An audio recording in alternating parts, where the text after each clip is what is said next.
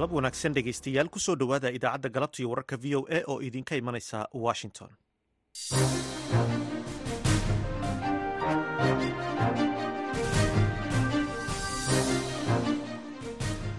waa galab salaasaa bisha februari ee sannadka labada kun afar iyo labaatankuna waa toddobiyo labaatan. Waxaad naga dhegaysanaysaan mawjadaha gaagaaban ee lix iyo tobanka iyo sagaaliyo tobanka mitirban iyo boggeena internetka ee v o a somaly com. Saacadda afrikada bari waa afartii galabnimo. Idaacadda galabta iyo wararka v o edana waxaa idinla socodsiinaya anigoo ah xuseen barre aadan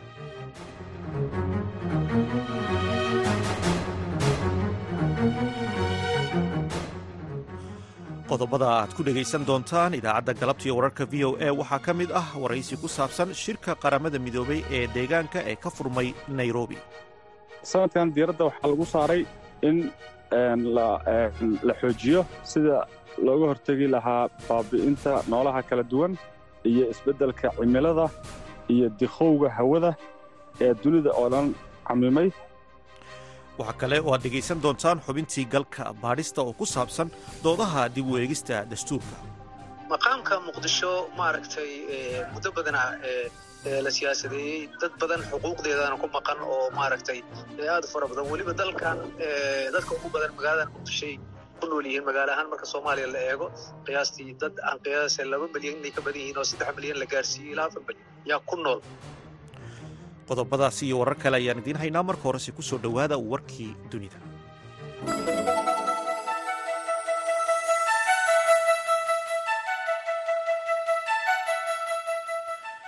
madaxweynaha maraykanka jo biden ayaa sheegay in ay suurtagal tahay in xabad joojin laga gaadho khaza horaanta toddobaadka soo socda. Madaxweyne biden oo ka jawaabayay su'aal ku saabsan taariikhda suurtagalka ah ee xabad joojinta ayaa isagoo ku sugan new york waxa uu tilmaamay in la taliyihiisa amniga qaranka uu u sheegay inuu rajo wanaagsan laga qabo in isniinta dambe heshiis hordhaca la gaadho waddamada dhexdhexaadinta wada ee qatar masar iyo maraykanka ayaa isku dayaya in ay ka wada xaajoodaan heshiis dhex mara israa'iil iyo xamaas si loo gaadho xabad joojin ila ka tirsan xamaas ayaa xaqiijiyey in dooda diiradda lagu saarayo wejiga koowaad ee qorshe ay dejiyeen dhexdhexaadiyaasha bishii januari qorshahan ayaa dhigaya xabad joojin lix toddobaad ah oo la xidhiidha sii deynta lahaystayaasha xamaas iyo falastiiniyiinta u xidhan israa'iil iyo sidoo kale gelitaanka khaza la gelinayo xaddi badan oo gargaar bini'aantinimo ah israa'iil ayaa dalbanaysa in la sii daayo dhammaan lahaystayaasha inta lagu jiro xilliga xabad joojinta iyada oo ku adkaysanaysa in xabad joojintu aanay macnaheedu ahayn in dagaalkii la joojiyey amaba la soo afjaray ra'iisul wasaaraha israa'iil benyamin netanyahu ayaa sidoo kale ku nuxnuuxsaday in xabad joojintu aanay ka hortegi doonin howlgallada militari ee ka socda magaalada rafax oo ay ku badan yihiin dadka barakacayaasha ah taasoo muujinaysa in howlgalka uu dib u dhici doono oo keliya ilaa inta laga gaadhayo xabad joojinta la filayo codbixiyayaasha maraykanka ee gobolka michigan ayaa maanta codkooda ka dhiiban doona doorashada hordhac ah ee musharaxiinta xisbiyada dimuqraadiga iyo jamhuuriga iyadoo si weyn loo filayo in ay ku guuleystaan madaxweyne joe biden iyo madaxweynihii hore maraykanka donald trump farqiga u dhexeeya natiijada soo baxda ayaa si dhow loola socon doonaa iyada oo sidoo kale taageerayaan. Ay muujin doonto heerka uu joogo gobolkan ee muhiimka ah. Ka hor doorashada labaad ee ay hayaan labada musharax kadib doorashadii labadii kun iyo labaatankii ee uu biden ku guuleystay askarta dalka sweden ayaa maantoo salaasaa sheegay in ay ku faraxsan yihiin in sweden ay ku biirto isbahaysiga nato waxayna diyaar u yihiin sida ay sheegeen in ay ku dadaalaan sidii ay sweden u gudan lahayd waajibaadka ka saaran xubinnimada nato.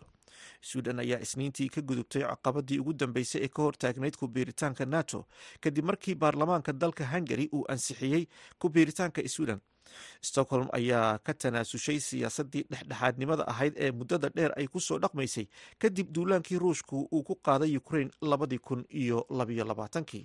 Intaasna dhegeystayaal waxaa inoogu idil warkii caalamka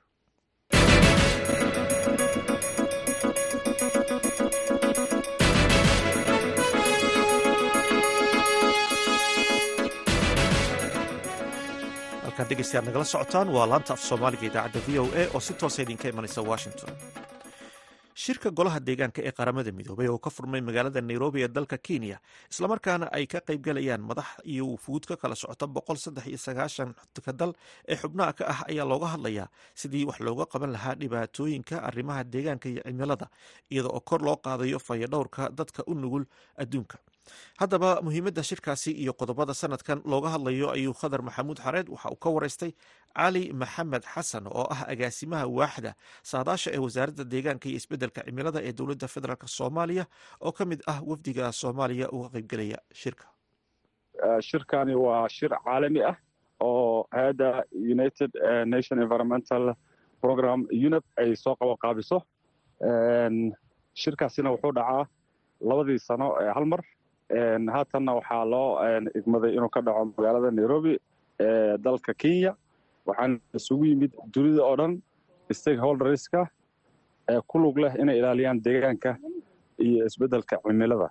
Marka mawduucu muxuu yahay sanadkan oo looga hadlayaa shirkan? Sanadkan diiradda waxaa lagu saaray in la xoojiyo sida looga hortegi lahaa baabi'inta noolaha kala duwan iyo isbeddelka cimilada iyo dikhowga hawada ee dunida oo dhan camimay taas oo dadyowga kala duwan ee dunidu ay isku afgarteen inay dhibaato ku tahay dunida dhammaanteed loona baahan yahay in la keeno xal waara.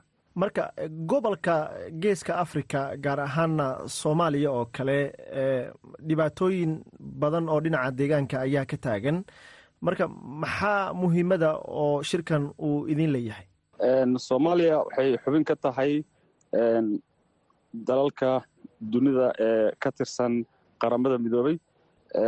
Barnaamijkiisa deegaanka iyo isbeddelka cimilada.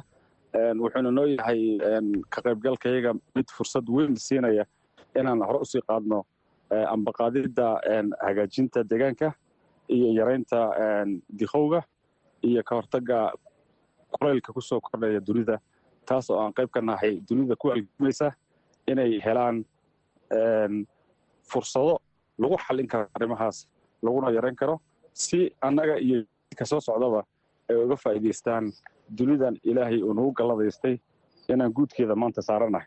Meeqa maalmood ayuu socon doonaa? Shirkani wuxuu ahaa shir aad u ballaaran oo macno weyn u leh dunida waxaa ka soo qayb galay stakeholders saamiley waaweyn dowlado waaweyn wasaaradaha kala duwan ugu horreysa wasaaradda deegaanka iyo isbeddelka cimilada iyo wasaarado kale.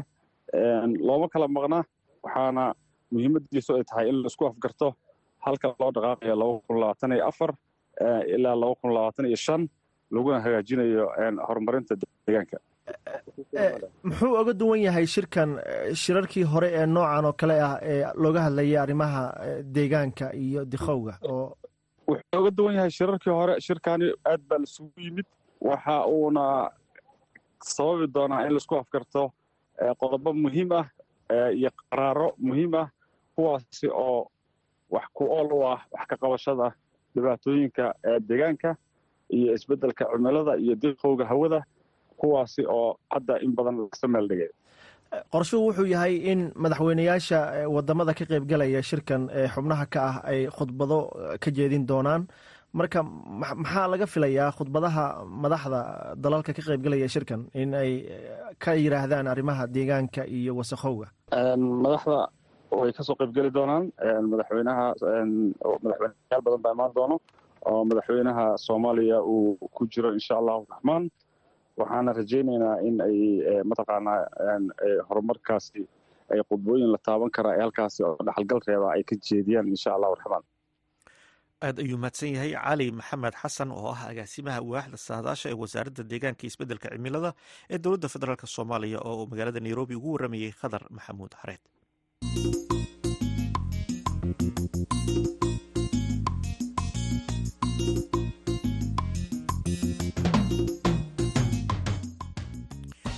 halkaad dhegeystayaal nagala socotaan. Waa laanta af soomaaliga idaacadda v o a oo si toosa idinka imanaysa washington. Madaxweynaha maraykanka jo biden ayaa sheegay isniintii inuu rajaynayo inuu arko xabad joojin cusub oo ka hirgasha khaza horaanta toddobaadka soo socda iyada oo fuud ka kala socota dalal dhowr ah ay ka shaqaynayaan wadaxaajoodka hakinta dagaalka tan iyo dabayaaqadii noofembar warbixintan oo ay qortay v o a waxaa soo koobaya jamaal axmed cismaan la taliyayga amniga qaranka ayaa sidaasi ii sheegay in aan ku dhownahay in xabad joojin la gaaro. Biden ayaa u sheegay wariyaasha isagoo ku sugan magaalada new york.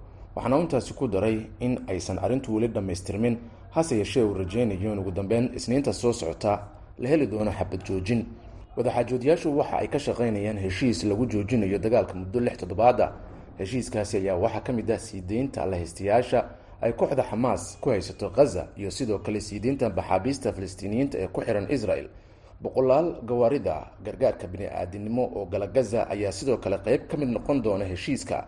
Ra'iisul wasaaraha israel benjamin netanyahu ayaa sheegay in xabad joojinta kumeel gaarkahi aysan wax ka bedeli doonin qorshihii israel ee ah inay ugu dambeyn weerar ku qaado magaalada koonfurta ku taala ee rafax si loo gaaro yoolka israel ah buu yidhi baabi'inta xamaas rajada howlgalka rafax ayaa qayladhaan caalamiah ka soo yeertay sababtoo ah tirada badan ee falastiiniyiinta ee ku dhaqan halkaas qaar badan oo ka mid a dadkaasi ayaa ka soo baxsaday colaada gaza. Israel waa ay yaraysay weeraradii ay ku haysay rafax ayuu u sheegay biden. Wariyaha seth myres ee ka tirsan tv-ga n b c gaar ahaan barnaamijka late night talaadadii waxa uu sheegay inay jirto awood lagu daadgureynayo qaybo badan oo ka mid a dadka ku dhaqan rafax oo uu yidhi kahor inta aysan israel meesha ka saarin haraadiga xamaas xafiiska netanyahu ayaa isniintii sheegay in milatariga israel uu siiyey golihiisa dagaalka oo qorshe dadka lagu daadgureynayo aagga dagaalka ee marika gaza iyo qorshaha howlgalka ee soo socda. Aad ayuu mahadsan yahay jamaal axmed cusmaan oo warbixintaasi inala socodsiinaya. Halkaad kala socoteenna waa laanta af soomaaliga idaacadda v o a oo si toosa idinka imanaysa washington. Markana ku soo dhowaada xubintii galka baarista waxaa soo diyaariyey islamarkaana inala socodsiinaya haaruun macruuf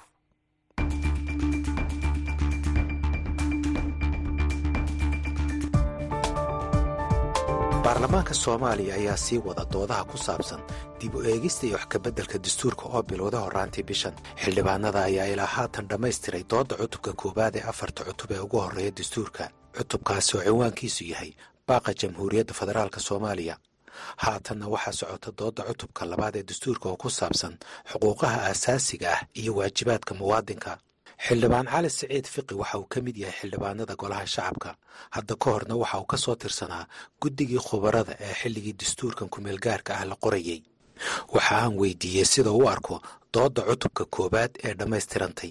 Runtii dadka si fiican ay uga doodeen araha fiicanna way dhiibteen waa la soo ururiyey maalintii dhoweed maaragtay. Intuusan bilaaban cutubka labaad waa naloo maaragtay nala tusay sida maaragtay guddiga ay ay u rikoord garaynayaan ay u haystaan oo wixii la soo jeediyo dhan ama ha ahaado sawir oo qofkii xildhibaanka isagoo hadlayo codkiis duuban yahay ama iyadoo qoraal ah. Waana la tusay howl fiican ay qabteen guddiga laakiinse waxaa la rabaa maaragtay markii cutubkan labaad dhammaado kan saddexaad dhammaado in haddana kow loo soo noqdo cutub cutub loo soo noqdo loo ansixiy duuduub ma ma fiicno in loo ansixiy waayo. Waxaan rabnaa inaan ogaano cutub kasto waxyaabaha laga bedelay waxyaabaha lagu soo kordhiyey marka si dadka maragtay shakiga ku jiro ay shaki uga baxo. Midda kalena waxaa muhiim ah in sida hadda loo diray waxaa loo diray maan maaragtay gobollada maamul goboleedyada inay ka soo faaloodaan baarlamaanadooda ka soo faaloodaan warbixintooda iyagana maaragtay lagu daro si wixii ay u noqdaan wax soomaaliya ay leedahay. Waxaa kaloo dadka runtii ay ay qabaan in wakti dheer la siiyo. Waayo muddo shan afar saddex iyo toban beri ah in lagu soo koobo arrimo maaragtay masiiri ah oo dastuur masiiri oo intaa la eg dadka waxay qabaan waa lagu fududaanaya waa lagu degdegaya maaragta fikrad taas u dhow waxaa qaba xildhibaan maxamed ibraahim macalimu oo hore u soo noqday suxufi madax bannaan iyo guddoomiyaha urka suxufiyiinta soomaaliya. Arrinka ugu muhiimsan waxay tahay baarlamaankan uu fursad u helay baarlamaanadii hore aanay ku guuldaraystoon oo aanay qaban inay ka hadlaan wax kabeddelka dastuurka. Runtii waana arrin aad loogu baahan yahay in dastuurkan wax laga bedelo maadaama muddo dheer uu qaatay. Cidda awoodda u waa maaragtay baarlamaanka soomaaliya. Laakiin marka aad fiiriso degdega iyo maaragtay gacmaha maaragtay siyaasadeeda ku jira runtii waxay keentay in habraacii markii ugu horreysayba aan maaragtay la siyaasadeeyo maaragtay dadka soo jeedinta inta badan xildhibaanada konton iyo afar qofood a hadashay kow iyo konton qofood waxay soo jeediyeen maaragtay ra'yi. Waxaasoo dhan lama qaadane tii maaragtay haddana waa laga socday. Sidoo kale waxaa aad looga hadlay timinga iyo waktiyada oo xildhibaana ay ka hadleen inta badnaa dadkii meesha ka hadlay.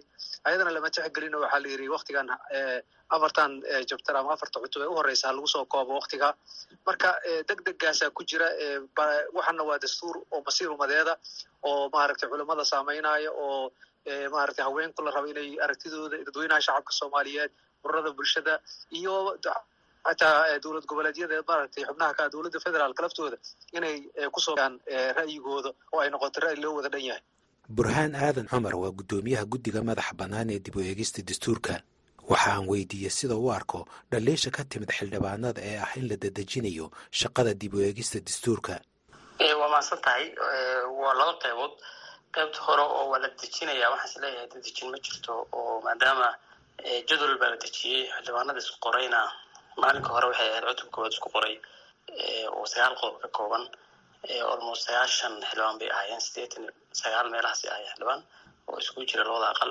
Doodii hal xildhibaan oo harsan weli iyadoo aan harsaneyn baa la dhamaystiray oo qof kasta uu isqoray oo rabay inuu tala ka dhiibto taladiisa ka dhiibtay arrinta labaad waxay tahay maanta cutubkii labaad baa oo ka koobnaa soddon qodob baa socday toban qodob baa laga dooday oo qodobka ko toban qodob toban ilaa labaatan iyadana weli doodeedu waa socotay oo almost lixdan ilaa todobaatan xildhibaan ku dhawaad oo haddii kale jabtarka misaanku oo iska fudud ah saasaan loo sii gudbayaa.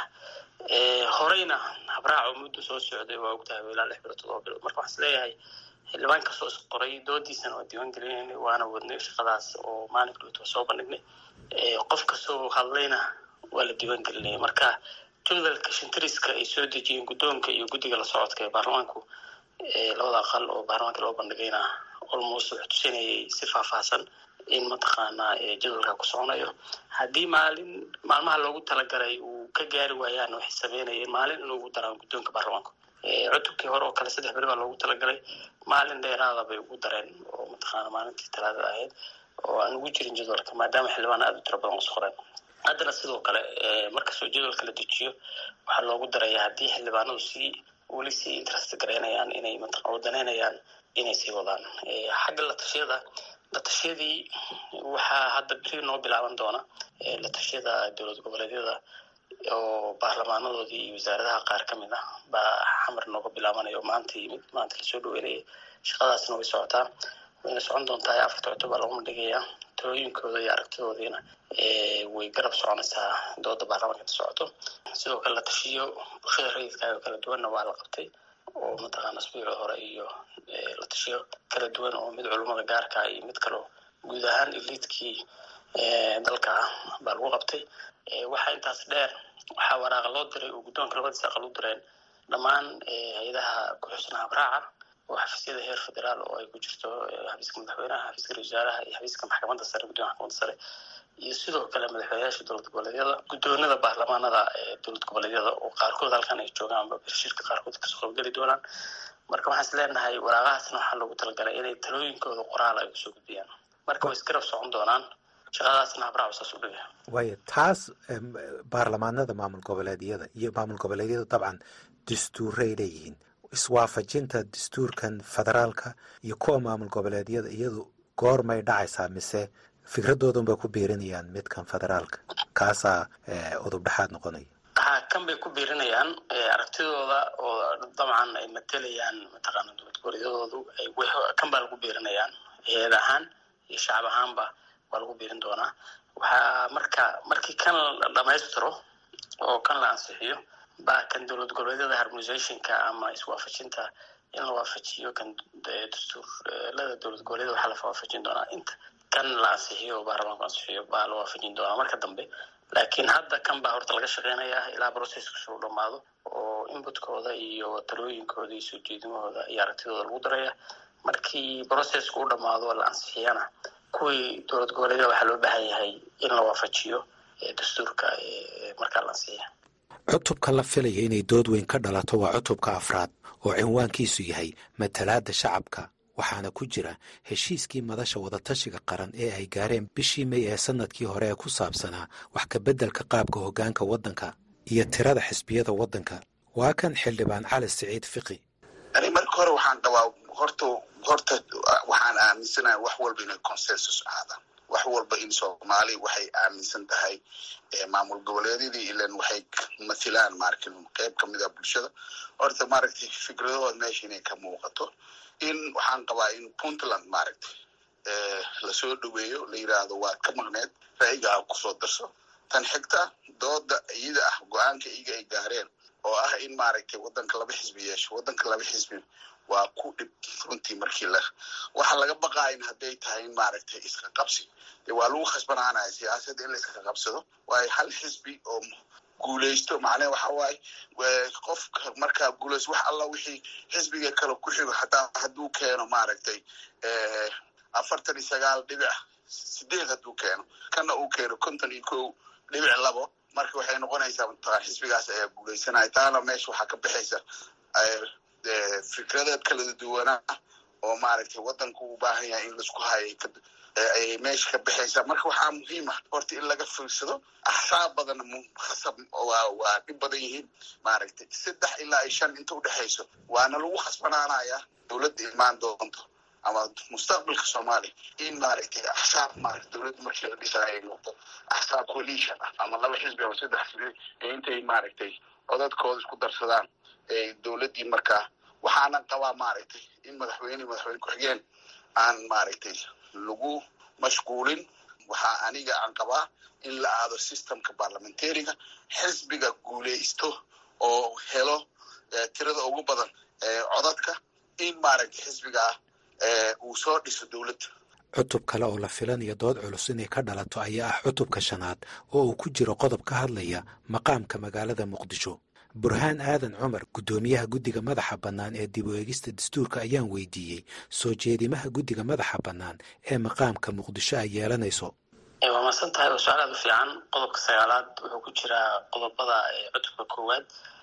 Waxaana looga hadlaya waxay tahay maqaamka muqdisho. Muqdisho inay caasimadda soomaaliya tahay dastuurka xusayey laakiin maqaamkeedii matalaada ay yeelanayso baa laalnaa oo aan mataqaana laga hadlin. Marka taas waxay keentay marka in maqaamkii iyo matalaada laga shaqeeyo. Cutubka anagu waxaan u soo gelinay laba faqradood baan ka soo dhignay. Faqradda koowaad waxa weeyaan magaala madaxda jumhuuriyadda wadalka soomaaliya waa muqdisho. Maqaamkii matalaadana waxaa looga hadlayaa cutubyada xiga oo ah cutubka shanaad.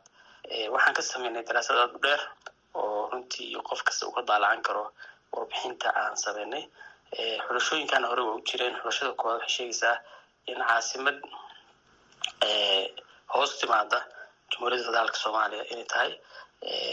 Tan labaadna waxay tahay daraasaad la mid aan sameyno waddamada caalamku si u shaqeeyaan tan labaadna waxay tahay caasimad dowlad goboleed ah tan saddexaadna waxay tahay caasimad kamidna ah dowlad goboleedyada.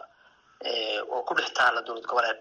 Masalan magaalo ka mid a gobol ama dowlad goboleed ka tirsan in mataqaanaa ay saddexda xulashaan soo jeedinay oo go'aankeeda loo gaarayo mataqaanaa cutubka shanaad daraasad baa sameyn oo caalamka ka tirsan abujan sameynay washington d c berlin islamabad ottawa oo saddexda xulashaad aan sheegnay iyo kuwa ka badanba waa sameynay. Sababa marka waddamada federaalkaasi caasimadahooda maqaam loogu sameeya matalaadna si ay u yeeshaan daraasaadkooda waa sameynay. Marka halkaasaan daraasad aada u dheer tiro badan qof kasta uu ka daalacan karo ba baan sameynay. Saddex xulasho oo lagu xeerin doono maqaamkooda sida haddaan soo jeedinay haddii baarlamaankuna ay raacaan in cutubka shanaad cutubka shanaad waxaa loo geeya waxay tahay sababtu. Cutubka shanaad wuxuu ka hadlayaa bahsanaanta awoodaha yaa dowlad goboleed ah heerar kala duwan oo dowladda laftigeeda. Wuxuu ka hadlayaa si iskula shaqeynayaan yaa dowlad goboleed noqonaya imse gobol baa dowlad goboleed noqonaya see imse heer baa dowladeed baa jira. Dastuurkan hadda jira laba heer buu sheegaa oo ah dowlad federaalka iyo dowlad goboleedyada heerkii saddexaad baan soo jeedinteeda ku jiri doonta oo ah saddex xer inay jirayaan dowlad hoose iyo dowlad goboleed iyo dowladda dhexe.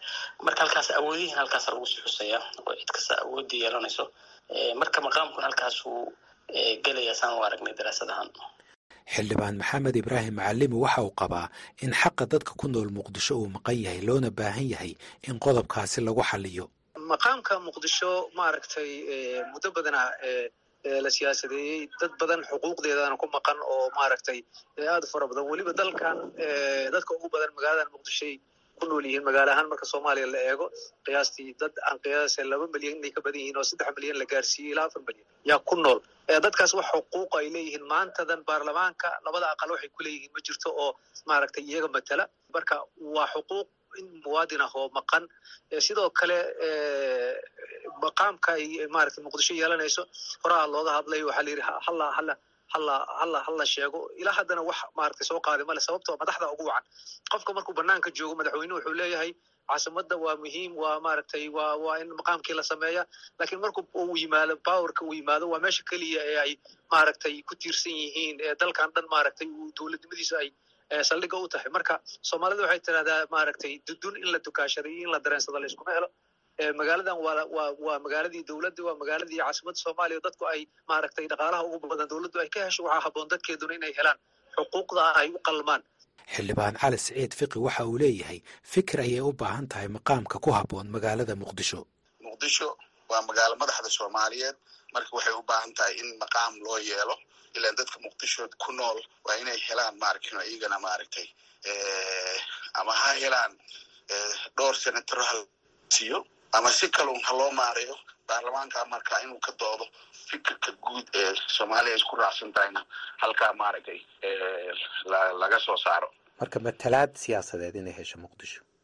Hadda waa way ku khasban tahay. Waxyaaba waxaa jiro meeshan waxaa ku nool ilaa iyo sida la sheego saddex milyan oo qofood marka saddexdaa milyan oo qofood xaq inay u yeeshaan. Sida waxaa laga dhigi karaa haddii la rabo sida washington d c. Washington d c laakiin male xubno congresska kuma leh.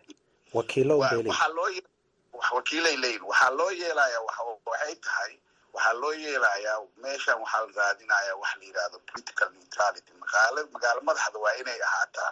Magaalo madaxda iyayse hadday noqoto magaalo maamul goboleedyad oo kale dee hadda marka waxay noqonaysaa magaalo madax dad isku hayn karta ma noqonayso marka. Sidaas darteed waxaa loo baahan yahay political neutrality inay ay la imaado waa meeshii midnimada soomaaliyeed lagu lagu maaragtay lagu hayn lahaa lagu dhisi lahaa laisu keeni lahay marka waxay u baahan tahay dhinac kasto caqli iyo fikir laisu keeno fikirka wanaagsan oo dadkana ay ogolaan karaan maaragtay inaan maaragtay meesha noqonin khilaaf wax ummadda soomaaliyeed u keeni karo ay noqoto maaragtay magaalo madax sidaad muqdisho ay tahay runtii.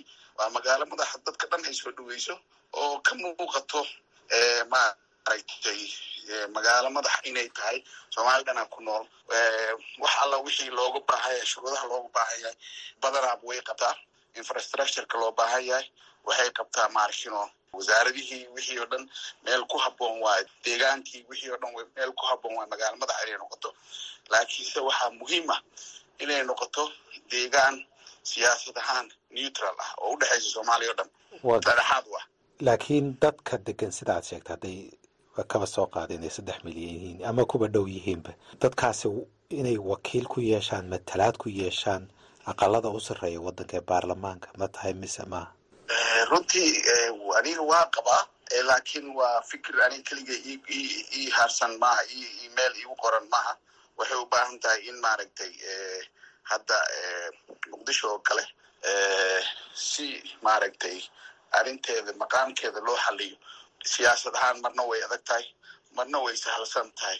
Marka waxay u baahan tahay laakiin caqli iyo fikir iyo maskax wanaag in laisugu darsado oo markaa maaragtay ay maqaamkii sidaa ku habboon in loo siiyo maaragtay magaalo madaxda dastuurka xilligan laga doodayo islamarkaana dib u eegistiisu socoto waxa uu ka kooban yahay shan iyo toban cutub waxaana xildhibaanadu ay sheegeen in dooddiisa keliya ay soconayso muddo bilo ah. Barnaamijkii galka baaristuna waa naga intaas. Inta aynu ku kulmi doonno barnaamijkan oo kale waa haaruun macruuf oo idin leh nabadgelyo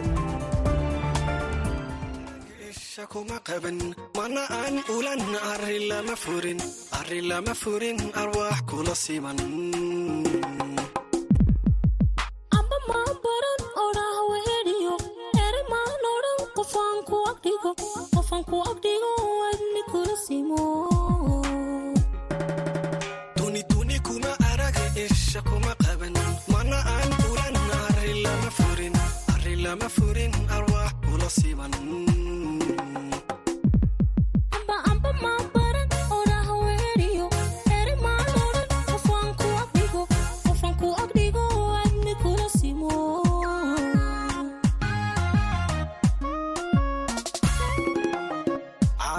yaqiin tiran eedna laga jiray ayaan seesne macaanilo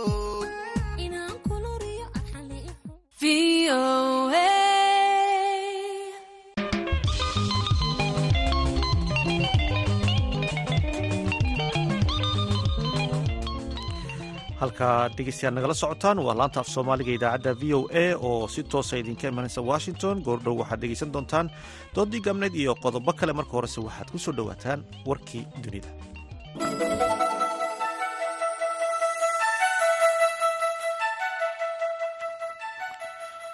Madaxweynaha maraykanka jo biden ayaa sheegay in ay suurtagal tahay in xabad joojin laga gaadho kaza horaanta toddobaadka soo socda madaxweyne biden oo ka jawaabayey su'aal ku saabsan taariikhda suurtagalka ah ee xabad joojinta isagoo ku sugan magaalada new york ayaa waxa uu tilmaamay in la taliyihiisu ee dhinaca amniga qaranku uu u sheegay in rajo wanaagsan laga qabo in isniinta dambe heshiis hordhaca la gaadho. Wadamada dhexdhexaadinta wada ee qatar masar iyo weliba maraykanka ayaa isku dayaya in ay ka wada xaajoodaan heshiis dhex mara israa'iil iyo xamaas si loo gaadho xabad joojin ilo ka tirsan xamaas ayaa xaqiijiyey in dooda diiradda lagu saarayo. Wejiga koowaad ee qorsho ay dejiyeen dhexdhexaadiyaasha bishii januari qorshahan ayaa dhigaya in xabad joojin lix toddobaad ah oo la xidhiidha sii deynta lahaystayaasha xamaas iyo falastiiniyiinta u xidhan israa'iil iyo sidoo kale gelitaanka khaza la gelinayo xaddi badan oo gargaar bini'aadanimo ah israa'iil ayaa dalbanaysa in la sii daayo dhammaan lahaystayaasha inta lagu jiro xilliga xabad joojinta iyada oo ku adkaysanaysa in xabad joojintu aanay macnaheedu ahayn in dagaalkii la soo afjaray siday hadalka u dhigeen. Ra'iisul wasaaraha israa'iil benyamin netanyahu ayaa isaguna sidoo kale ku nuuxnuuxsaday in xabad joojintu aanay ka hortegi doonin howlgallada militariga ka socda magaalada rafax oo ay ku badan yihiin dad barakacayaal ah taasoo muujinaysa in howlgalka uu dib u dhici doono oo keliya ilaa inta laga gaadhayo xabad joojinta la filayo. Codbixiyaasha maraykanka ee gobolka michigan ayaa maanta codkooda ka dhiiban doona doorashada hordhaca ah ee musharaxiinta xisbiyada dimuqraadiga iyo jamhuuriga iyadoo si weyn loo filayo in ay ku guuleystaan madaxweyne jo biden iyo madaxweynihii hore ee maraykanka donald trump farqiga u dhexeeya natiijada soo baxda ayaana si dhow loola socon doonaa iyada oo sidoo kale loo kala taageerana muujinayaan ay muujin doonto heerka uu joogo gobolkan oo muhiim ah ka hor doorashada labaad ee ay isku wajahayaan labadan musharax kadib doorashadoodii hore ee labadii kun iyo labaatankii xilligaasi uu ku guuleystay madaxweyne jo biden. Askarta dalka sweden ayaa maantoo salaaso ah sheegtay in ay ku faraxsan yihiin in sweden ay ku biirto isbahaysiga nato ayna diyaar u yihiin in ay ku dadaalaan sidii ay sweden u gudan lahayd waajibaadka ka saaran xubinnimada nato. Sweden ayaa isniintii ka gudubtay caqabadii ugu darnayd ee ka haysatay kubiiritaanka nato kadib markii baarlamaanka dalka hungari uu ansixiyey kubiiritaanka sweden ee isbahaysiga sweden ayaa ka tanaasushay siyaasadii dhexdhexaadnimada ahayd ee muddada dheer ay ku soo dhaqmaysay kadib markii ruushku uu weeraray amaba uu duulaanka ku qaaday ukraine labadii kun iyo labayo labaatankii. Intaasna dhegeystayaal waxaa inoogu idil warkii dunida.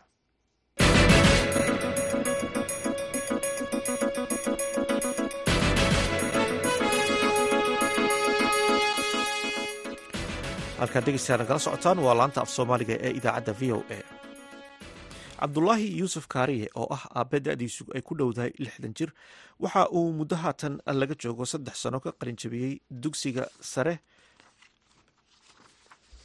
ee jigjiga. Kadib markii uu keenay dhibco sare wuxuuna galay jaamacadda jigjiga ee waxbarashada heerka digriga isagoo helay in uu barto waaxda culunta farsamada betroolka haddaba wariyaha v o eda maxamed cabdiraxmaan ayaa waxa uu uga waramay waxa uu kala kulmay jaamacadda sababaha uu ku doortay culunta betroleumka iyo weliba hamigiisa ku aadan sidii uu ugu dhiiran yahay in uu ku guuleysto ka gugaadhista waxbarashadiisa. Waxaan galay dugsiga sare ee jigjiga ee sheekh cabdisalaam waxaan galay labadii kun iyo koob iyo labaatankii ayaan ka qalin jebiyey markaa waxaa iisoo baxday jaamacad markaa iisoo baxday dhibco fiican baan keenay.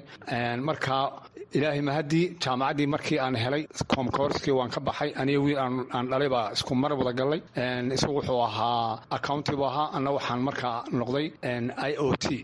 Markaa sannadkii saddexaad baan eega galay. Waxaan doortay markaa fiildiga layihahda petroleum engineering ayaan doortay. Jaamacadda waxaan kala kulmay. Wallaahi jawigeedu aad buu u fiicnaa nin weyn baan ahaa. Waagii horena dugsi sare oo soomaaliyan ka soo qalin jebiyey. Aqoonteedu way iska fiicnayd way dhisnayd. Inkastoona xagga ingiriiska aan aad uga dhisnayn haddana waxaan isin uun adoo maanta da'daa ah in in lagu yidhaahdo wuu dhacay oo hal maado uu ku dhacay. Ceeb bay kugu tahay. Markaa dadaal baan sameeyey. Ilaahay mahadii dadaalkii waan ku guulaystay. Waxaan wada waxaan wadaba adugu waxaan soo gaadhay inaan eega halkaa gaadho. Waa tahay fili nocmo ayaad qaadatay ama culunta aad qaadatay ee jaamacadda maxay tahay? Waxa weeyaan petroleum engineering koob iyo toban fiildi baan noo soo baxday. I o t markaanu ahayn waxaa layidhi markaa kala doorta arday walba. Markaa waxaan doortay fiildiga petroleum engineering. Adeer cabdulaahi maxaa ku dooratay fiildigan petroleum engineering? Waxaan ku doortay deegaankeena soomaalida. Waxa weeyaan khayraadka ugu badan ee ku jira waxa weeyaan waa batrool waa shidaal. Waxa ku jira waa shidaal. Marka waxaan u doortay weliba dhalinyaro badan ayaan guwaabiyey inay fiildigaas soo galaan. Inkastoo ay dhalinyaradii ay waxyaabo fara badan oo kale ay galeen laakiin waxaan anigu ku doortay waxa weeyaan khayraadka faraha badan ee diihin ee deegaankeena ku jira ayaan u doortay oon rabaa inaanu noqonno haddii alla yidhaah dadkii soo saari lahaa. Waa tahay dabcan dad badan waxay aaminsan yihiin culuntan petroleumka. Inay tahay mid adag. Islamarkaana adigana waxaa tahay nin oday ah marka dadaal noocma ayaa isleedahay waad kaga gudbi kartaa culuntan inaad hamigaagii ku gaadho oo marka aad dhammaysato labadii sane horta ugu soo adkayd waanu soo dhaafnay. Eega sannadkii saddexaad baanu ku jiraa. Sanadkii saddexaadna waxaa weeyaan waxaa weeyaan teeramkiisii koowaad baanu eega ku jiraa. Insha allahu waanu dadaalaynaa waanu dadaalaynaa ilaahay waxaanu ka rajaynaynaa ilaahay inuu ilaahay nala garab qabto. Insha allahu waanu ka gudbaynaa waanu ka gudbaynaa sanadkan saddexaad iyo kaafaraad iyo kashanaad baan waxseenahay insha allahu dadaal baanu rabnaa inaanu kaga gudbna haddii la yidhaah?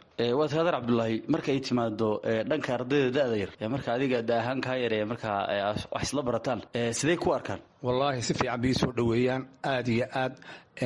Waxyaabo fara badan bay weliba iga caawiyaan. Waxa weeyaan marka galaas aanu leenahay iyagaa ila soo hadla iyagaa websiteka ii soo dhiga. Xitaa haddaan maqanahay waxay u sheegaan macallinka waxay idhahdaan ninka odaygii amba wuu xanuunsanaya amba meel buu ku maqan yahay. Aad bay ila dadaalaan aad bay dadaalaan. Xitaa markaanu qorayno assignmentiga waanu iskaashannaa si fiican baanu wax u qornaa aad iyo aad bay ila dadaalaan. Ma jiraan wax caqabada ood kala kulanto ardaydan? May ardayda saaxiib baan wada nahay. Eega galaaskana waxa weeyaan shan iyo toban arday baanu nahay. Galaaskan petroleum engineering shan iyo toban arday baanu nahay. Shan iyo tobankanaga arday waxaanu nahay shan iyo toban arday oo saaxiib baanu nahay. Ugu dambayntii dad badan waxay u arkaan in mar haddii la weynaado waxba la baran karin. Dadka aragtida noocaasa qaba maxaad ku dhihi lahayd may waxbarashadu jaanis bay leedahay. Jaaniskaaga haddaad ka faa'iidaysto waxbaad baran kartaa waxaa weeyaan inta meelaha shaxda iyo waxaa la ciyaarayo iyo meelaha fadhi kutirarka iyo inta meelaha la fadhiyo eega rag badan aanu saaxiibanahay baa waxay u yidhahan markay arkaan wallaahi cabdullaahi oo waa dadaashay. Ma saddexaad baad maraysa intaanu meelaha fadhfadhinay marka waxaan leeyahay dadka soomaalida waxaan leeyahay war intaad meelaha fadhi kutirarka iyo waxyaaba aan jirin aad ka sheekaynaysaan waxaa fiican inaynu wax baranno masaajidada galno oo diinta baranno aynu cilmiga kale ee caalamka horumarka lagu gaadhay oo weliba khayraadka keenan dabiiciga ah ee batroleumka la yidhahdo iyo maadooyinkaas inaynu baranno ayaa ayaan anigu jeclaan lahaa. Aad baan ugula talinaya dadweynaha aad baan ugula talinaya dadka weliba da'deeda ayaan ugula talin lahaa. Cabdulaahi yuusuf kaariye oo magaalada jigjiga ugu waramayay wariyaha v o eda maxamed cabdiraxmaan ugaas gaata halkaad kala socotaana waa laanta af soomaaliga v o a. Haatanna dhegeystayaal ku soo dhowaada barnaamijkii amuuraha maraykanka waxaa nala socodsiinaya maxamed cabdi sandheere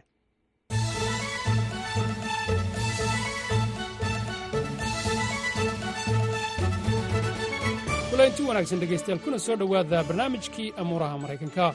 Madaxweynihii hore maraykanka donald trump haatanna ah tartamo ka tirsan murashaxiinta u taagan xilka madaxtinimo xisbiga jamhuuriga ayaa afar iyo labaatankii bishan februari ku guulaystay doorashooyinkii sreebreebka ahaa ee gobolka south carolina. Trump waxa uu ka guulaystay ninkii heli oo ah murashaxa keliya ee isaga kula tartamaya inuu noqdo qofka u soo bixi doono doorashada guud ee lala gelayo xisbiga dimuqraadiga haddaba guushii trump iyo qorshaha niki heli ayaan barnaamijka amuuraha maanta kaga hadlaynaa. Waa kan maxamuud xasan musharaf oo arrimaha maraykanka aqoon leh kuna sugan gobolka colorado oo marka hore ka hadlaya guushii trump. Maxamedow intii xisbiga jamhuuriga uu bilaabay doorashada soo horeysa ee primariga la yidhaahdo trump runtii guulo waaweyn buu ka gaadhayay state walba oo lagula tartamo. Rag badan oo u tartamayay inay kula tartamaan kursiga way ka hadheen gabadh markaa ninka heli la yidhaahdo unbaa soo hadhay. Iyadiina runtii state ay weli ku guulaysatay ma jiro from iowa laga soo bilaabo ilaa iyo south carolina. Weliba waxaa xusud mudan gobolka south carolina ninka haley gabadha la yidhahdaa waxay ka ahaan jirtay governor. Iyadoo gobolka governor ka ahayd ayaa haddana trump wax laba jeer ka badan uu kaga guulaystay delegatekii halkaa ee lagu tartamayay marka runtii ama xisbiga jamhuuriga ah guud ahaan ha noqoto ama tartamayaashii la tartamaya ha noqoto trump guulihiisu waa guulo runtii waaweyn oo state walbana uu ku guulaysanayo wuxuuna taageero ka helayaa qaybo badan oo ka mid ah xisbiga jamhuuriga ama dadka professionaalka ah ha noqoto dadka shaqaalaha ha noqoto guud ahaan dadka meelaha magaalooyinka waaweyn ka baxsan ee sabarbanka ha noqoto dhinac walba waxaad moodaa trump in guushiisu ay isa soo tarayso. Marka waa arrin waxaad moodaa runtii guulahan uu helayo. Aan la joojin karayn wayna iska soo daba dhacayaan. Waan gartay. Waxaa la filayey in haddii gobolkii ay ka ahayd guddoomiyaha lagaga adkaaday ninkii haley inay ka hadhi doonto. Laakiin weli way ku sii jirtaa tartanka. Marka maxay sabab uga dhigtay ninkii haley waxay runtii sheegtay inayna ka hadhaynin tartanka ee ay sii wadi doonto. Taana waxay ku macnaysay in trump uuna la tartami karin madaxweynaha hadda talada haya dimuqraadiga ee joe biden oo jamhuuriyiinta laga guulaysan doono. Qolooyin badan oo kale oo oo xisbiga horey dadkii ugu jiray ee dhaqanka xisbiga iyo caanka ku ahaana way taageerayaan marka taageerooyinkeedu meelo kala duwan ama kambaniyada tan lacagta ku bixiya ha noqoto ama qolooyin trump ka soo horjeeda oo iyada leh ha ka hadhin tartanka ha noqoto laakiin maray hadlaysay waxay ku adkaysatay in ayna ka hadhaynin tartanka ay sii wadi doonto. Laakiin kolleyba hadday sidan ku sii socoto dee dantuunbaa u run sheegi way la tahay. Waan gartay. Waxaa la sugi doonaa sida la filayo waxa loo yaqaano super tuesday oo bisha march ee soo socota. Qaybteeda hore la qaban doono waxaana super tuesday loogu bixiyey. Waa salaasadii weyneyd micneheed waxa weyaan gobollo aad u fara badan baa lagu tartami doonaa. Marka ma la is leeyahay ninkii haley hadday halkaa guul ka keeni weydo waxay noqon doontaa dhammaadkii ololaheeda kama badbaadi karto ninkii haley super tuesdayda soo socota. Badanaana super tuesday qofka candidateka ama musharaxa ahi markuu guulo wato uu ka soo qaatay gobolladii horey loogu tartamay ayuu halkana wax ka keeni karaa. Laakiin waxaad moodaa trump oo taageero badan ka haysta xisbiga dhexdiisa. Dad badanna u quusgooyey marka dhammaadkeeda uun kolley way ay ku qasbanaan doonto inay ka hadho. Waxaa laga yaabaa super tuesdayda inaynan la dhaafi doonin. Waxyaabaha cajiibka ah waxa weeyaan madaxweynihii hore donald trump oo ah ninka u tartamaya xisbiga uguna horreeya jamhuuriga. Maxkamado aad iyo aad u badan baa ku socda kiisas badan baa loo haystaa meel walba waa lagaga dhegan yahay. Haddana lama qaban karo ama dhinaca sharciga iyo cadaaladda maraykanka ha noqoto iyo kiisaska loo haysto ama xisbiga dhexdiisa ha noqoto. Lama qaban karo ee maalinba maalinta ka sii dambaysa guushiisu way sii taraysaa marka sidii dad badan ay tartanka uga hadheen ninka haleyna runtii jaanis ay ku sii socon karto ma laha laakiin super tuesday waxaa dhaca waynu arki doonaa. Waan gartay. Waxay ku doodeysay markii laga badiyey kadib khudbaddii ay jeedisay in trump aan lagu halayn karin xisbiga in tiro afartan boqolkiiba ka badani ay ka maqan tahay. Oo haddii hadhow doorashada guud isugu yimaado marka lala tartamayo xisbiga dimuqraadiga tiradaas badani ay dhaawici karto fursadda tartamaha xisbiga jamhuuriga oo donald trump ah marka dooddeedaasi ma tahay mid sal leh. Doodda ninka haley runtii ay ku doodayso waxaa kaga horreeyey dad badan oo tartanka ka hadhay oo xisbiga jamhuuriga ku tartamayey aragtiyo badan oo la qabay dad badan oo aqoon-yahana ah ama siyaasadda ku jiro xisbiga ah oo fikradaa la qabay. Laakiin si kasta oo trump wax looga sheego iyo si kasta oo loo yidhaahdo ama waa laga adkaan doonaa ama xisbiguu kala jebinayaa waxaan lagula dhaqmini ma jirto xitaa waxaa jira dad badan oo maraykanka magaca ku leh oo leh hadduu madaxweyne noqdo waddanka waa ka tegaynaa marka ama xisbiga dhexdiisa ha noqoto ama guud ahaan fikirka laga qabo trump waddanka oo negative badani uu ku jiro ha noqoto laakiin kolleyba dood kasta oo miiska la soo saaray trump ma celin karto. Ama mid dembi lagula raadinayo ha noqoto oo kiisaskaasa ama tan kale ee aaraada iyo fikrada kala duwan ha noqoto.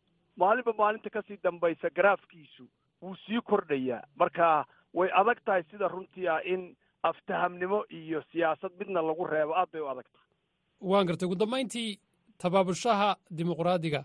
Waayo sida cad trump baa ku soo socda. Dimuqraadigu runtii xan badan baa dhexdiisa ka jirta. Sida codadku ay u badan yihiin waxay jecel yihiin in madaxweynaha hadda talada haya joe biden uu tartanka ka hadho iyada oo lagu eedeynayo xagga ageka ama da'diisa ama ilowshiiyo badan oo marmarka qaarkood la arkayo. Marka waxaad moodaa welwel bay ka ka qabaan trump inuu ka guulaysan karo joe biden. Laakiin ciddii ay ku bedeli lahaayeenna ama isaguba uu odhan lahaa waan ka hadhay taasna markaa lama hayo. Waxaad ogtahay madaxweyne ku-xigeenka waddanku waa kamala harris gabadha la yidhaahdo? Haddii uu ka hadhana dee kolley iyadaa meeshii soo buuxinaysa taas iyadoo laga cararayo marka dad badan baa qabaa in joe biden uuna ka hadhin tartanka. Laakiin kolleyba xantuna way ku badan tahay welwel badanna way qabaan. Fikiro badan oo xisbiga ka imaanayana waxay sheegayaan in trump uu ka guulaysan karo joe biden. Labada nin horena way isu arkeen. Laakiin intii uu talada hayay madaxweynaha hadda jooga ayaa wax badan baa ama dagaalkan ukraine ha noqoto oo lagaga soo horjeedo ama xaggan falastiin iyo israa'iil dagaalka ka dhacaya oo eedo badan looga haysto ama xagga dhaqaalaha. Runtii waxaad moodaa boolkiisa boolosha la qaaday ee lagu eegayo in ayna meel fiican uuna kaga jirin. Marka welwelkaasi wuu jiraa xisbiga dhexdiisa. Laakiin waxay sugi doonaan konfenshinka soo socda oo xisbiga inuu ka hadho iyo in kale ay ku kala caddaan doonto dhegaystayaal waxaa intaasi noogu dhammaaday barnaamijkii amuuraha maraykanka. Intaynu barnaamijkan oo kale a mar kale ku kulmi doonno waxaan dhegaystayaal idinkaga tegayaa sidaas iyo nabadgelyo.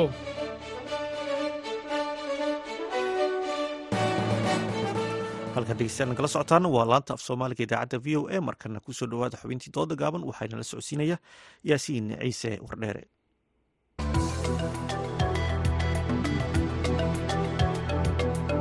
runti wanaagsan dhegaystayaal. Waa mar kale iyo barnaamijka dooda gaaban oo aynu ku eegayno heshiiska dhowaan dhex maray dowladda soomaaliyeed iyo dalka turkiga ee ku saabsan amniga iyo dhaqaalaha oo labada dhinac iska kaashanayaan. Su'aasha mawduuca ku saabsan waxa weeye ma yahay heshiiskaasi mid dadka soomaaliyeed ay ka faa'iidayaan mise wax faa'iidaa laga gaari maayo?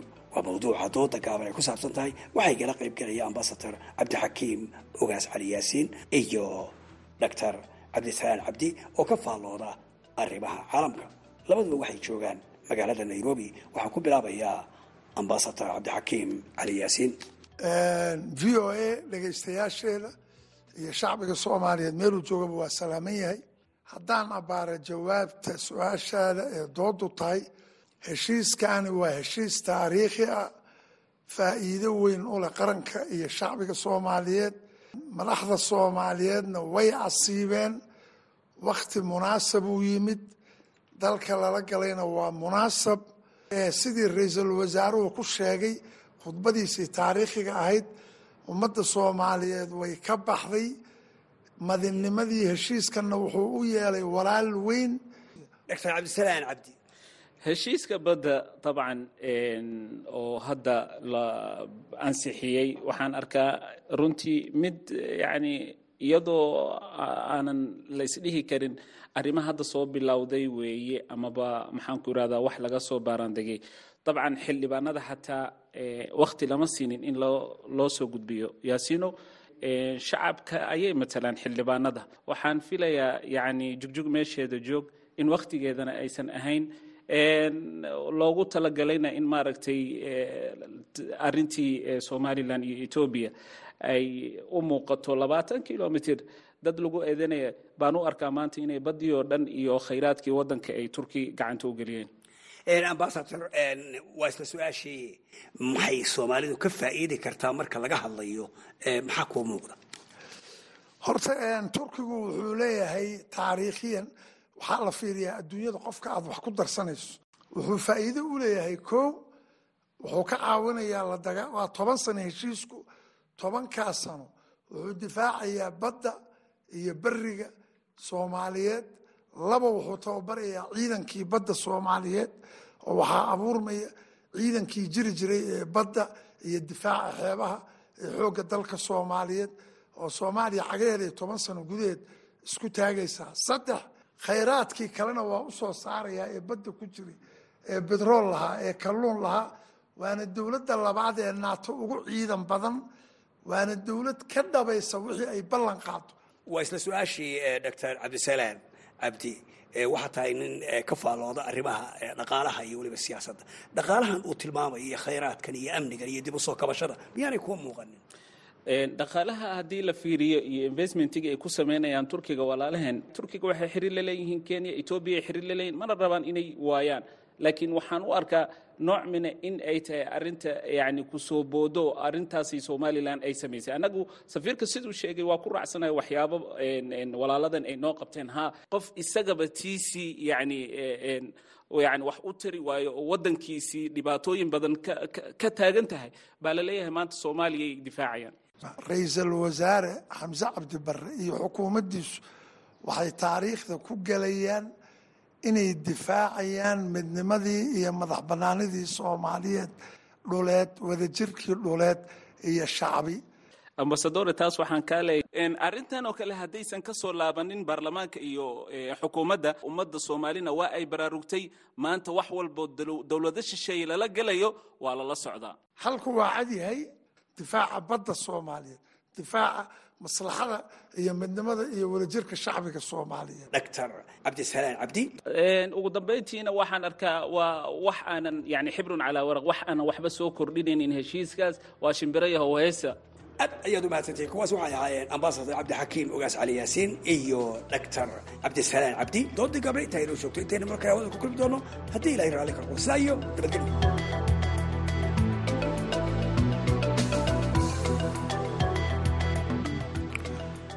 halkaan dhegeystayaa nagala socotaana waa laanta afka soomaaliga ee idaacadda v o a. Waxaa magaalada kismaayo lagu soo gebagabeeyey shir looga hadlayay horumarinta garsoorka soomaaliya kaas oo ay ka soo qayb galeen garsoorayaal ka kala socday dowlad goboleedyada iyo weliba gudoomiyaha maxkamadda sare ee soomaaliya. Faahfaahinta warkan waxaa magaalada kismaayo ka soo diray. Wariyaha v o eda aadan maxamed salaad shirkan oo labadii maalmood ee u dambeysay ka soconaya magaalada kismaayo ayaa waxaa ka qaybgalayay inta badan garsoorayaasha dowlad goboleedyada xubinta ka ah dowladda federaalk ee soomaaliya iyo sidoo kale guddoomiyaha maxkamadda sare ee soomaaliya iyo xubno ka socday garsoorayaasha gobolka banaadir. Shirka oo gebagabadiisii qodobo dhowra laga soo saaray ayaa ugu horreyn waxaa hadal kooban ka soo jeediyey guddoomiyaha maxkamadda sare ee jubbaland cabdishakuur sheekh maxamed rashiid waxaana uu sheegay in shirkan uu ahmiyad gaara u leeyahay guud ahaan garsoorka soomaaliya. Iyadoo lagaga wada hadlahayay horumarinta garsoorka soomaaliyeed aad iyo aad ba waxaan ugu faraxsannahay in raggaa sare ama hogaamintaa sare ee garsoorka ee halkan nooguna timid oo gurigoodii ah aad iyo aad baan horta noo farxagelinaysaa oo kadibna dhammaan wixii horumar ahaa ee garsoorka loo baahnaa ama qorshayn ahaa ama muxuu ahaa ay u baahnaayeen u baahnaa garsoorku in laga wada hadlay kullina laysku wada waafaqay sida communikeega lagu sheegay. Si gaar ahana waxaan ugu mahad dhammaan ka soo qaybgalayaasha baashi yuusuf axmed oo ah guddoomiyaha maxkamadda sare ee soomaaliya ayaa dhankiisa bogaadiyey howsha adag ee garsoorayaasha soomaaliya ay hayaan isagoona si gaara u bogaadiyey garsoorka jubbaland oo uu tilmaamay in ay hayaan howl adag markii ay eegeen ama ay soo kormeereen qaybaha kala duwan ee uu ka kooban yahay iyo waxyaabaha ay qabtaan. Waxaa kaloo rabaa inaan uga mahad celiyo sida aad iyo aadka u quruxda badan ee bilan ee abaabulan ay u martigeliyeen una qabteen shirkan oo si guulleh runtii inoogu soo dhammaaday. Waxaa kaloo rabaa iyadana inaan bogaadiyo garsoorka jubbaland runtii horumarka ka muuqda. Intii aanu joognay shirka marka laga tago howlahaanu qabanay waxaa ka mid ahaa inaanu kormeerno oonu u koorgallo xaaladda iyo duruufaha uu ku sugan yahay garsoorka jubbaland. Runtii waxaa nooga muuqatay dalka intiisa kale meelo badan inuu aada iyo aada uga horumarsan yahay oo maxaa ku yahay shaqaadu fiicanna ka socoto. Gebagabadii waxaa warmurtiyeedkii ka soo baxay shirkaasi warbaahinta u akhriyey xeeraalyaha guud ee jubbaland maxamed khaliif waxaana uu faahfaahinayaa qodobadii ka soo baxay shirkaasi. Kow xubnaha guddigu waxay mahadcelin ballaaran u jeedinayaan garsoorka iyo madaxweynaha dowlad goboleedka jubbaland sida milgaha leh ee ay gubasha shirka ugu fidiyeen iyo soo dhoweyntii mugga lahayd ee muddadii shirku socday ay u fidiyeen xubnaha guddiga sare. Laba guddigu waxa uu bogaadinayaa shaqada mugga leh ee macadka tababarka garsoorku qabtay sannadkii laba kun labaatan iyo saddex labadii maalmood ee u dambeysay magaalada kismaayo waxay martigelinaysay shirka sanadlaha ahi ee guddiga sare ee macadka tababarka garsoorka oo ay isugu yimaadeen inta badan garsoorayaasha. Dowlad goboleedyada iyo sidoo kale gobolka banaadir iyo madax ka socotay dowladda federaalk ee soomaaliya. Aadan maxamed salaad v o a magaalada kismaayo. Halkaad weli dhegeystayaal nagala socotaana waa laanta afka soomaaliga ee v o a markana aynu ku wada nasanno mid ka mid ah heesaha aan idinku talagalnay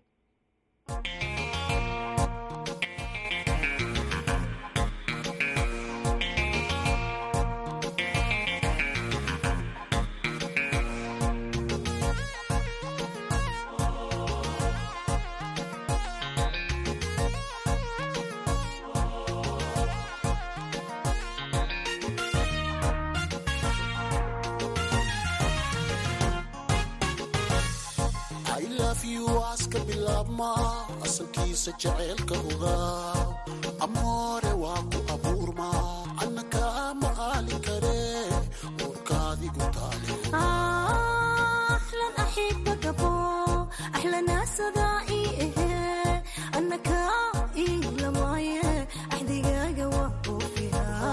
taaleaska bilaabma asalkiisa jacaylka ogaa amoore waa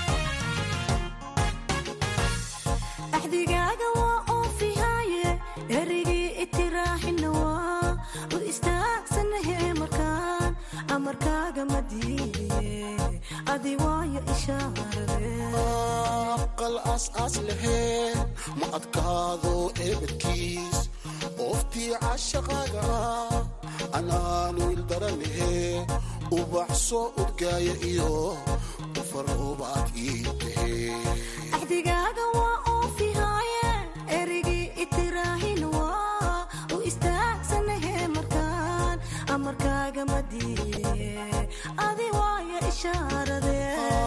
aqal asaas laheen ma adkaado eebadkiis ooftii cashaqaaga ah an aana ildaranahe ubax soo udgaaya iyo ufaroobaad ii tahe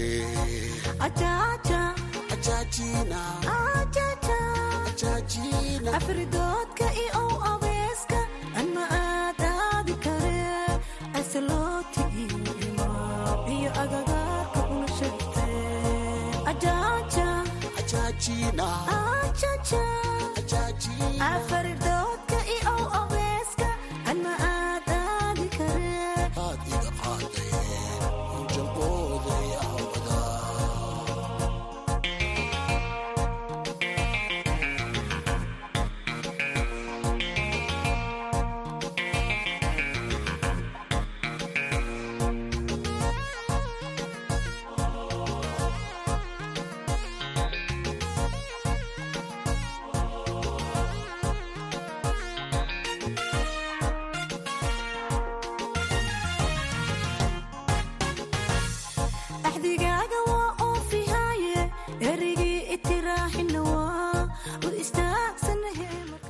heeskaas ayaan dhegeystayaal ku soo gabagabanayna baahinteen idaacadeed oo si toosa ah idinka imanaysa laanta af soomaaliga ee v o a. Tan iyo kulanti dambe waxaanu idin leenahay sidaas iyo nabadgelyo